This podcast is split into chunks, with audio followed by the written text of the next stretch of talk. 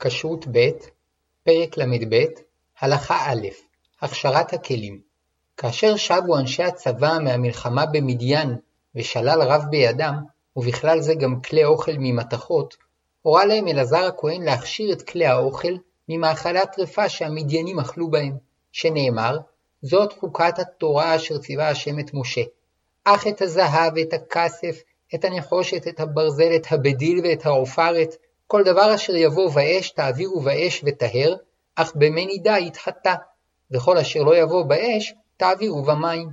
למדו מכאן חכמים שהכשרת הכלים היא כדרך בליעתם, כבולעו כך פולטו. כלים שהשתמשו בהם באש, כדוגמת שיפודים ותבניות אפייה, הכשרתם בליבון באש.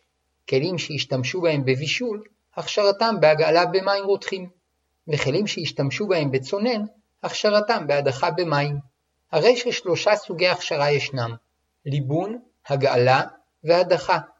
נבהר יותר, כלי שהשתמשו בו במאכלים שאינם חמים, כיוון ששיירי המאכל נדבקים לכלי ברפיון, ניתן להסירם על ידי שטיפה במים צוננים, וזוהי הדחה. אבל אם השימוש היה על ידי בישול, הטעמים שבתבשיל נדבקים ונבלעים בכלי, ורק על ידי מים רותחים ניתן להפליטם, וזוהי הגעלה. ואם השימוש היה באור, היינו באש, כגון שיפודים או תבניות, כיוון שאין שם נוזלים שמרככים את הידבקות המאכלים בדפנות, הטעמים נבלעים בכלי בכוח חזק, ולכן אין בכוחם של מים רותחים לפולטם מדפנות הכלי, אלא צריך להכשירם כדרך שבלעו, באור, כלומר בליבון. כפי הנראה, כשדיברו חכמים על הטעמים שבלועים בכלי, התכוונו גם לטעמים שנדבקו בחוזקה לדפנותיו על ידי הבישול, עד שנחשבו כבלועים בו, שכן בעבר כשלא היו צינורות שהזרימו מים לכל בית, ועוד לא נמצאה הדרך לייצור המוני של סבון שמסיר באופן יעיל את השומנים והלכלוך מהכלים, ופני הכלים היו מחוספסים, בלא הגעלה במים רותחים שמוססו את השומנים שנדבקו לכלים, בדרך כלל נותרו דבוקים לדפנות הכלים, שיירים מהמאכלים שהתבשלו בהם.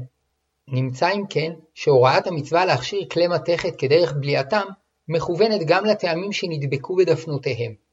ואף שגם לאחר העגלה ייתכן שעוד נותרו על דפנות הכלי מעט שיירים מהמאכל הקודם, הואיל והכלי הוגעל כמצוות התורה, והגעלה זו הסירה את עיקר הטעמים שדבקו בכלי עד שלא ניתן היה להרגיש בטעמם, הרי הם כמי שבטלו ואין בהם יותר איסור. כשרות ב', פרק ל"ב, הלכה ב', טעמי האיסור שבכלים אוסרים תבשילים. בנוסף לכך שאסור להשתמש בכלים שבישלו בהם טרף ולא עברו הכשרה כדין, אם בישלו בהם מאכל כשר, המאכל נאסר.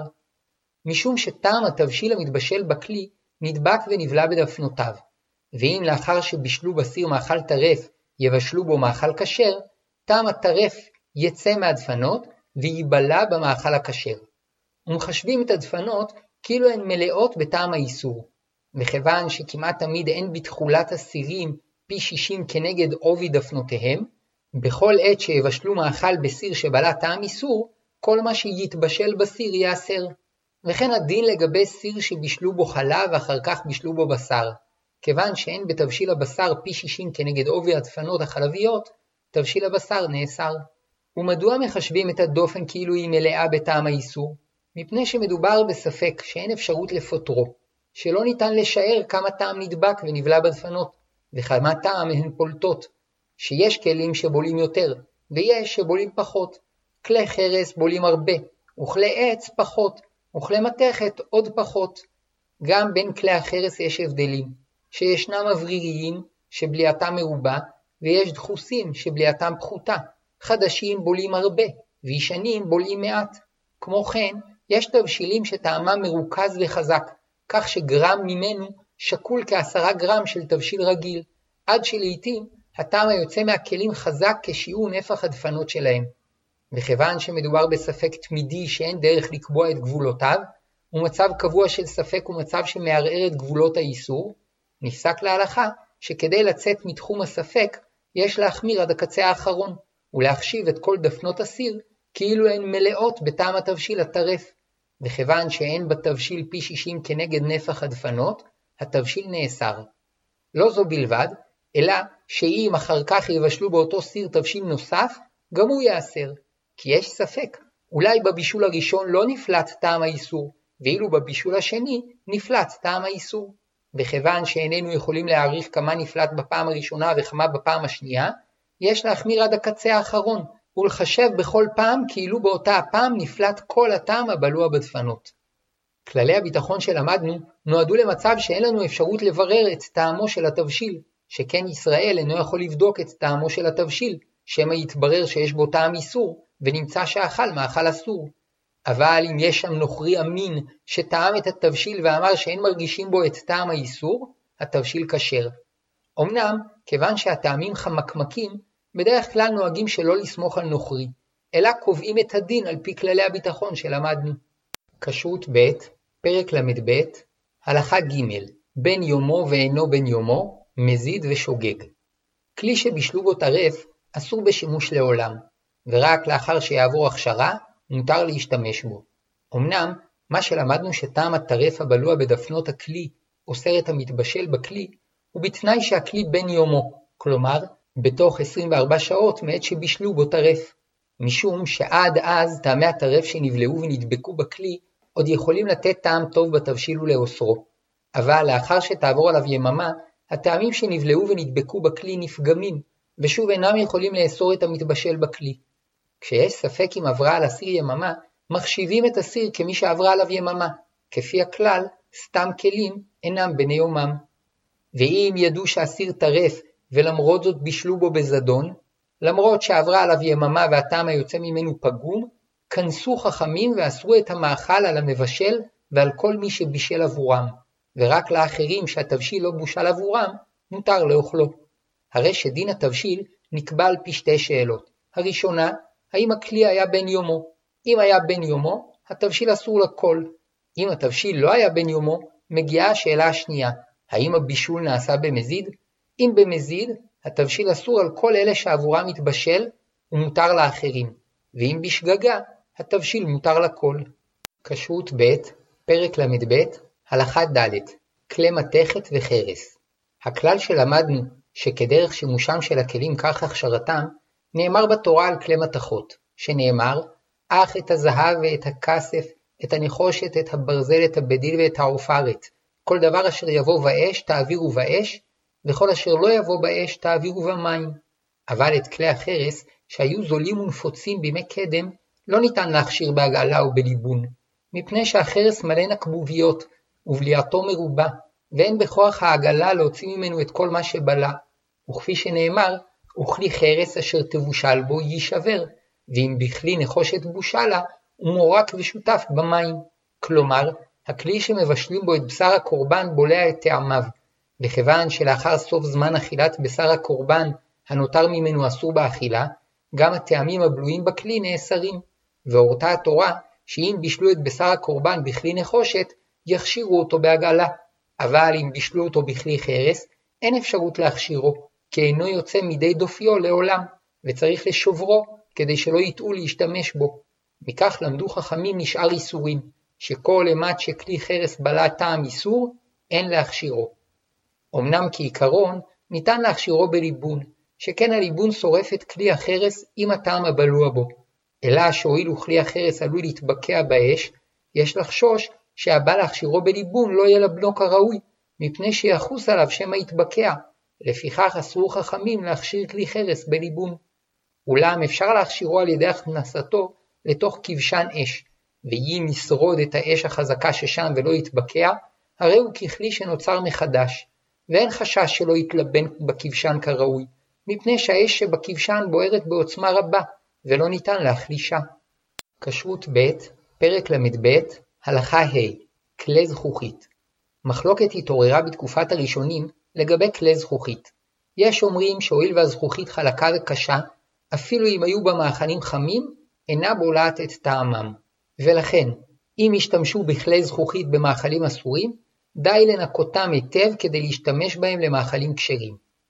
מנגד יש אומרים שהואיל והזכוכית נעשית מחול כמו כלי חרס, גם אם בפועל כלי הזכוכית אינם בולעים, דינם כדין כלי חרס שאין להם תקנה, שאם הניחו בהם מאכלי טרף רותחים, אין אפשרות להכשירם, ויש לזורקם או לתנם לגוי. ויש שאחזו בדרך האמצע, ולדעתם דין כלי זכוכית כדין כלי מתכות, שאם ישתמשו בהם במאכלי טרף רותחים, צריך להכשירם בהגעלה ברותחים. ככלל, יוצאי ספרד נטו לדעת המקלים, ויש שאף נוהגים לאכול באותן צלחות זכוכית מאכלי בשר וחלב חמים, תוך הקפדה לנקותן היטב בין בשר לחלב. מנגד, יוצאי אשכנז נטו לדעת המחמירים, ויש שאף הורו לזרוק כלי זכוכית שטעו והשתמשו בהם ברותחים בטרף, או פעם בשר ופעם חלב. אולם כשמתעמקים יותר, מוצאים שרוב ישראל נהגו ללכת בדרך האמצע. שכן מסתבר שמנהג הספרדים להקל בכלי זכוכית היה בעיקר בכלי שני, מפני שכלי הזכוכית בעבר היו עלולים להישבר בבישול על האש, ואף בכלי שני, רבים מיוצאי ספרד נהגו להחמיר ולא להשתמש באותם כלים לבשר ולחלב. מנגד, רוב פוסקי אשכנז שנוטים לחומרה, מסכימים שבדיעבד, אם בישלו בכלי זכוכית טרף, אפשר להכשירו בהגעלה, כפי הדעה האמצעית. הרי שמנהג רוב ישראל ללכת בדרך האמצע, להפריד בין כלי זכוכית בשריים וחלביים, ולהכשיר כלים שטעו ובישלו בהם את המין השני, או טרף, כדרך שנוהגים בכלי מתכות. וכך נכון להורות לכל ישראל, וכפי שיבואר להלן, לגבי כלי מתכות. כשרות ב', פרק ל"ב, הלכה ו', כלי מתכות בימינו. שאלה התעוררה בימינו לגבי כלי מתכות. ברור שחכמי המשנה והתלמוד, הראשונים והאחרונים, התייחסו לכלי מתכת כבולים ופולטים טעמים, ואין ספק שכך חשו בפועל, ולכן נפסק שאם מבשלים בסיר מתכת בשר טרף, הסיר בולע טעמי טרף, ואם לפני שיוכשר בהגעלה יבשלו בו תבשיל כשר, למרות שניקו את הסיר היטב, לעתים יחושו בתבשיל טעם של בשר טרף. לפיכך, אם היה שם גוי אמין שטעם את התבשיל ומצא שאין בו טעם טרף, הכשירו את התבשיל. אבל אם לא היה שם גוי אמין, קבעו שיש להחמיר ולהחשיב את הדפנות כאילו הן מלאות בטעם שכולו נפלט לתבשיל, וכיוון שאין בתבשיל פי שישים כנגד עובי הדפנות, אוסרים את התבשיל. ובוודאי שחומרה זו התבססה על המציאות שהכירו חכמים, שגם לאחר שמנקים את סיר המתכת היטב, לעתים ניתן להרגיש בתבשיל את טעם התבשיל שבישלו בו לפני כן. מנגד, ידוע לאנשים בימינו שלאחר שמנקים את הסירים כראוי, לא נשאר בהם שמץ מטעמו של התבשיל הקודם, ואין אדם שיצליח לחוש את טעם התבשילי שבישלו בו לפני כן. כך גם התברר ממחקרים שונים, שבליעת כלי מתכת וזכוכית מעטה כל כך, אחד חלקי עשרות אלפים, עד שאין אפשרות לחוש ממנה שום טעם. השאלה מה השתנה בדורות האחרונים. כפי הנראה, הסיבה לשינוי נעוצה במספר פיתוחים טכנולוגיים. ראשית, בעבר לא ניתן היה לצקת את המתכות באופן אחיד, בוואקום, מה שיצר חרירים שדרכם חדרו טעמים לעובי הדופן. ואולי גם המתכות היו פחות טהורות, והסגסוגת שבהן ספחה אליה טעמים. שנית, בעבר פני הכלים היו יותר מחוספסים, וממילא היה קשה יותר להסיר מהם את שאריות התבשיל. שלישית, חלק משמעותי מהטעם שנותר בכלים לאחר הבישול נבע מהשומן שנדבק עליהם, וגם טעמים אלו נחשבו כבלויים בכלי, הואיל ונעשו לאחדים עם הדפנות וטפלים להם. בעקבות פיתוח סבון הכלים לפני פחות ממאה שנה, וחיבור הבתים למים זורמים, ניתן בעזרת מים וסבון עם מטלית קרצוף להסיר את השומנים והלכלוכים הדבוקים לכלי. כשרות ב', פרק ל"ב, הלכה ז', ההשלכות למעשה. יש טוענים שהואיל והתברר שכלי מתכת אינם בולעים ופולטים טעמים, לדעת המתירים להשתמש בכלי זכוכית לבשרי ולחלבי רותחים על ידי ניקוי בלבד, צריך גם להתיר להשתמש בסירים ובסכו"ם ממתכת לבשרי ולחלבי רותחים על ידי ניקוי בלבד. וכן מותר להשתמש בסיר שבישלו בו בשר טרף אחר שינקו אותו היטב. לא זו בלבד, אלא שיש טוענים שאף הראשונים שהחמירו בכלי זכוכית, אילו היו יודעים בוודאות שאינם בולעים ופולטים טעמים, היו מסכימים לדעת המתירים, מפני שכל יסוד האיסור בכלים הוא רק מפני הטעם הבלוע בהם, ואם בפועל הטעם אינו נבלע בהם, די לנקותם ואין צורך להכשירם בהגעלה. מנגד, כמעט כל הרבנים סוברים למעשה שחובה להכשיר כלי שבישלו בו טרף, וכן חובה להכשיר סיר חלבי שבישלו בו בשר או להפך, שהואיל ונהגו בישראל מדורי דורות להכשיר כלי מתכות בעגלה ובליבון, חובה להמשיך במנהג המקובל. בנוסף לכך, למדנו שחכמים תיקנו תקנות רבות כדי לבצר את ההפרדה שבין בשר לחלב, וכדי למנוע את האדם ממכשול. לכן אסרו לאכול בשר וחלב יחד גם כשאינם מבושלים, ואף אסרו לאכול חלב אחר בשר, וכן אסרו לאכול בשר על שולחן שיש עליו חלב, או להפך, ואף אסרו לאפות פת חלבית או בשרית, שמא יטעו לאוכלה עם המין השני. ניתן לומר שמתחייב מתקנות אלו שלא להשתמש באותם הכלים לבשר וחלב, ולא בכלי טרף למאכלים כשרים, ולהקפיד על כל דיני ההכשרה שחלו על כלי מתכת שפלטו טעמים, גם בכלי מתכת שאינם פולטים טעמים, שאם לא יקפידו על כך, יש חשש שיבשלו בכלי טרף שאינם נקיים מאכלים כשרים, ויבואו לבשל בכלי בשר שאינם נקיים חלב, או להפך, ויעברו על איסור בשר בחלב. לסיכום, דעת רובם המכריע של הרבנים, שגם לאחר שהתברר שכלי מתכת אינם בולעים ופולטים טעמים, חובת הכשרתם נשארה במקומה, הן מצד חשיבות שמירת המסורת, והן מצד היסוד שלמדנו מכל תקנות חכמים, שצריך לבצר את ההפרדה בין בשר וחלב ובין טרף לכשר, כדי למנוע מכשול.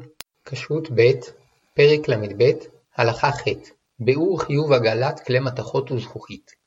מעבר למה שלמדנו בסעיף הקודם, מכוח המנהג ושמירת ההפרדה, נראה שגם לפי יסודות ההלכה, חובת הכשרת כלי מתכת נותרה במקומה בלא שינוי, שכן למדנו שלדעת רבים, חובת הכשרת הכלים מהתורה היא רק ביממה הראשונה, מפני שאז הטעמים שנבלעו ונדבקו בכלי עדיין משובחים. אבל לאחר יממה, טעמים אלו נפגמים, וכבר אין בכוחם לאסור את התבשיל שהתבשל בסיר, ואף על פי כן קבעו חכמים, שהואיל ובתחילה היו הטעמים שבכלי משובחים, גם לאחר שנפגמו אסור להשתמש בכלי בלא הכשרה כדרך שימושו. כיוצא בזה כיום, גם לאחר שניקו את הכלי היטב עם סבון, חובה להכשירם מדברי חכמים. ולדעת הראשונים והאחרונים הסוברים שגם לאחר יממה חובת ההכשרה מהתורה למרות שהטעמים שבו פגומים, גם כלי שנוקה היטב עם סבון חייב בהכשרה מהתורה. וכפי פשט הפסוק, כל דבר אשר יבוא באש תעבירו באש, וכל אשר לא יבוא באש תעבירו במים. כלומר, כל סיר שבישלו בו טרף, אסור בשימוש כל זמן שלא הכשירוהו בהגעלה, וכל שהשתמשו בו באש, אסור בשימוש כל זמן שלא הכשירוהו בליבון. וכן עולה משיטת הראשונים הרבים, שסוברים טעם כעיקר מדרבנן. כשרות ב', פרק ל"ב, הלכה ט', הלכה למעשה בכלי מתכת וזכוכית. היוצא מכל מה שלמדנו, שגם לאחר שמנקים כלי מתכת עם סבון, חובת הכשרת כלים שבישלו בהם טרף נותרה במקומה, וכן חובה להכשיר כלי בשרי שבישלו בו חלב או להפך, וכדין כלי מתכת, דין כלי זכוכית. אמנם כאשר נחלקו הפוסקים האם צריך לחשוש לטעם שנפלט מהכלים, כל זמן שידוע לנו שניקו את כלי המתכת או הזכוכית היטב עם סבון, יש להורות כדעת המקלים. כך בדין נת ברנת, וכך בדין חריף כמבואר להלן. שכן צריך לומר שכל מה שנחלקו הפוסקים הוא על כלי חרס שסופגים טעמים, או כלי מתכת וזכוכית שלא נוקו היטב עם סבון, אבל בכלי מתכת וזכוכית שנוקו היטב עם סבון, יסכימו הכל שהלכה כדעת המקילים, הואיל ואנו יודעים שהם לא פולטים טעמים. כשרות ב', פרק ל"ב, הלכה י', דין שאר הכלים. כל שאר הכלים שאינם ממתכת או מזכוכית, עלולים לבלוע ולפלוט טעמים, ולכן כל הדינים התלויים בפליטת טעמים מהכלים, חלים עליהם, וכל המחלוקות התלויות בפליטת טעמים, כדוגמת נת ברנת וחריף, חלות עליהם. כך הוא דין כלי עץ, עצם, אור, חרס ופלסטיק, גם מחבת טפלון שמורכבת ממתכת ומפלסטיק, בכלל הכלים שבולים ופולטים טעמים. דין כלי אמייל כדין כלי מתכות, ואף ששכבת האמייל עשויה מחול, בפועל היא קשה ואטומה כזכוכית. מיוחדים הם כלי חרס, שהואיל והם מלאים נקבוביות ובולים טעמים רבים, העגלה והליבון אינם יכולים להוציא מהם את כל הטעם שבלעו, ולכן אם נטרפו, אין דרך להכשירם, וכן דין כלי חמר וקרמיקה שהרכבם דומה לחרס. נמצא שדין כלים שבישלו בהם טרף מתחלק לשלושה סוגי כלים. א', כלי מתכת וזכוכית, הטעמים נדבקים לדפנותיהם אבל אינם נבלעים בתוככי המתכת והזכוכית, ולכן, אף שהם צריכים הכשרה ככל הכלים, בכל הדינים התלויים בפליטת טעם יש להורות כדעת המקלים. ב. כלי עצם, עץ, אור ופלסטיק רגיל, בולעים ופולטים טעמים, ובנוסף לכך שהם צריכים הכשרה, כל הדינים התלויים בפליטת טעם חלים עליהם. ג. כלי חרס למיניהם, בולעים ופולטים טעמים כמו הכלים בסעיף הקודם, וחומרה נוספת יש בהם, שאם נטרפו, אין אפשרות להכשירם. כלי פורצלן, חרסינה, לכתחילה אין להכשיר כדין כלי חרס, ובשעת הצורך, אם הציפוי שלו חלק ואטום ובלא סדקים, ניתן להכשיר בהגעלה ככלי זכוכית. כשרות ב', פרק ל"ב הלכה י"א שימוש בכלי בשר לפרווה, נת ברנת. יש אומרים שמותר מלכתחילה לבשל מאכל פרווה בכלי בשרי כדי לאוכלו עם חלב, ולהפך, מנהג מקצת מיוצאי ספרד. ויש אומרים שאם הכלי הבשרי בן יומו, אסור, ואם אינו בן יומו, מותר, מנהג רוב יוצאי ספרד. ויש אומרים שגם בכלי בשרי שאינו בן יומו, אין לבשל מאכל פרווה כדי לאוכלו עם חלב, ורק אם כבר בישלו ויש בכך צורך, מותר לערבו עם חלב. אבל אם יתבשל בכלי בשרי בן יומו, גם בשעת הצורך אסור לערבו, ואם בטעות יתערב בחלב, מותר לאוכלו. מנהג יוצא אשכנז. חילוקי מנהגים אלו נאמרו לגבי כל הכלים, אולם נראה שכיום הם קיימים לגבי כלי חרס ועץ שבולים טעמים אל תוכם, וכן לגבי כלי מתכת וזכוכית שלא נוקו כפי שמקובל בימינו. אבל בכלי מתכת וזכוכית שנוקו עם סבון כמקובל בימינו, כיוון שידוע שאינם פולטים שום טעם, מסתבר שגם המחמירים יסכימו לדעת המקלים, ולכן בני כל העדות יכולים לנהוג כדעת המקלים, לבשל מאכל פרווה בכלי בשרי נקי, כדי לאוכלו עם חלב, וכן להפך. אמנם למדנו שככלל יש לשמור על ההפרדה בין מערכות הכלים הבשריים והחלביים, וכאשר מתכוונים לאכול מאכלי פרווה עם בשר, נכון לבשלם בסיר בשרי, וכאשר מתכוונים לאוכלם עם חלב, נכון לבשלם בסיר חלבי. אולם בשעת הצורך, ואפילו לצורך קל, מותר לבשל תבשיל פרווה בכלי בשרי נקי בן יומו, ממתכת או מזכוכית, כדי לאוכלו עם חלבי, או להפך. כשרות ב', פרק ל"ב, הלכה י"ב מאכל חריף פרווה בבישול וחיתוך בכלי בשרי. מאכל חריף הוא מאכל שאין רגילים לאוכלו לבדו מחמת רוב חריפותו, כדוגמת שום, בצל ופלפל חריף. נחלקו הראשונים בדין מאכל חריף פרווה שבושל בכלי בשרי או חלבי. יש אומרים שהחריפות מעצימה את הטעמים שבכלי, ועל ידי כך המאכל החריף סופג את טעם הבשר ונעשה בשרי, וכן לגבי סכין בשרית שחתכו במאכל חריף, כיוון שהיא נדחקת בכוח לתוך המאכל, מכוח חריפות המאכל היא מבליעה את טעם הבשר במאכל שנעשה בשרי. ויש אומרים שרק כאשר לא ניקו את הכלים היטב, יש בדיני חריף חומרה יתרה, אבל אם ניקו אותם כראוי, דינם כדין מאכל שאינו חריף, שאינו בולע טעם בשר בעת בישולו בסיר בשרי, או בעת שחותכים אותו בסכין בשרית. למעשה, כאשר ניקו את כלי המתכת והזכוכית כראוי עם סבון, כיוון שידוע לנו שאינם פולטים שום טעם, יש להורות כדעת המקלים, שאף אם בישלו מאכל חריף בכלי בשרי או חלבי נקי, או חתכו מאכל חריף בסכין בשרית או חלבית נקייה, המאכל החריף נותר פרווה ומותר לאוכלו עם המין השני. כשרות ב', פרק ל"ב, הלכה י"ג, קרש חיתוך. קרש חיתוך מעץ או מפלסטיק עלול לספוג טעמים, מפני שהחומר שלו סופח טעמים, וגם מפני שהחיתוך יוצר בו חתכים שהטעמים נבלעים בהם. לפיכך, יש לייחד קרש חיתוך למאכלים בשריים, וקרש חיתוך למאכלים חלביים. והרוצה לחתוך מאכלים לשני המינים, צריך לייחד קרש חיתוך למאכלי פרווה. אמנם בדיעבד, אם חתכו ירקות על קרש חיתוך בשרי שניקו אותו היטב, וערבו אותם בתבשיל חלבי, התבשיל כשר. כאשר חותכים על קרש החיתוך מאכלים חריפים כבצל ושום, מפני חריפותם בעת שהם נדחקים אל המגש הם עלולים לספוג יותר טעמים, עד שיש סוברים שאם המגש בשרי הם נעשים בשריים, ואם חלבי, נעשים חלביים. לכתחילה יש לחוש לדעתם, ואם חתכו בצל על קרש חיתוך חלבי נקי, ובטעות ערבו אותו בתבשיל בשרי שלא היה בו פי שישים כנגד הבצל, יש לאסור את התבשיל הבשרי באכילה, שמא דרך הבצל נכנס בו טעם חלב. ובשעת הדחק, כל זמן שמסתבר שאין אפשרות להרגיש בתבשיל הבשרי את טעם החלב, אפשר להכשיר את התבשיל. מגש חיתוך מזכוכית או ממתכת אינו בולע ופולט טעמים, ולכן אפילו אם הוא בשרי או חלבי, אם נוקה כראוי, אפשר להשתמש בו לחיתוך מאכלי פרווה, ואפילו הם חריפים, עבור המין השני. כשרות ב', פרק ל"ב, הלכה י"ד, כף ודופן. אסור לערבב תבשיל בשרי בכף מתכת חלבית, וכן אסור לערבב תבשיל חלבי בכף מתכת בשרית. טעה וערב, אם הכף הייתה נקייה, התבשיל כשר, הואיל והכף אינה פולטת טעמים. אולם הכף צריכה הכשרה בעגלה, הואיל והשתמש בה פעם בחלב רותח, ופעם בבשר רותח.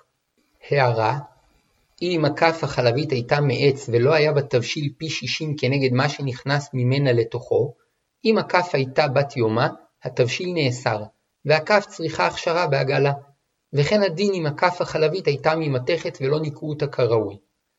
אסור לערב בכף חלבית תבשיל פרווה שמבושל בסיר בשרי, וכן אסור לערב בכף בשרי תבשיל פרווה שמבושל בסיר חלבי. אבל אם טעה וערב, התבשיל כשר, והכף אינה צריכה הכשרה.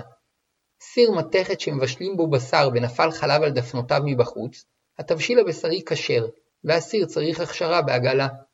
נשפך רוטב טרף, רותח, על סיר מתכת או זכוכית כשר קר, אין צורך להכשיר את כולו בעגלה, אלא די להכשירו על ידי עירוי של מים רותחים על המקום שעליו נשפך הרוטב הטרף. וכן אם נשפך חלב רותח על סיר מתכת או זכוכית בשרי קר, יש להכשירו על ידי עירוי של מים רותחים על המקום שעליו נשפך החלב.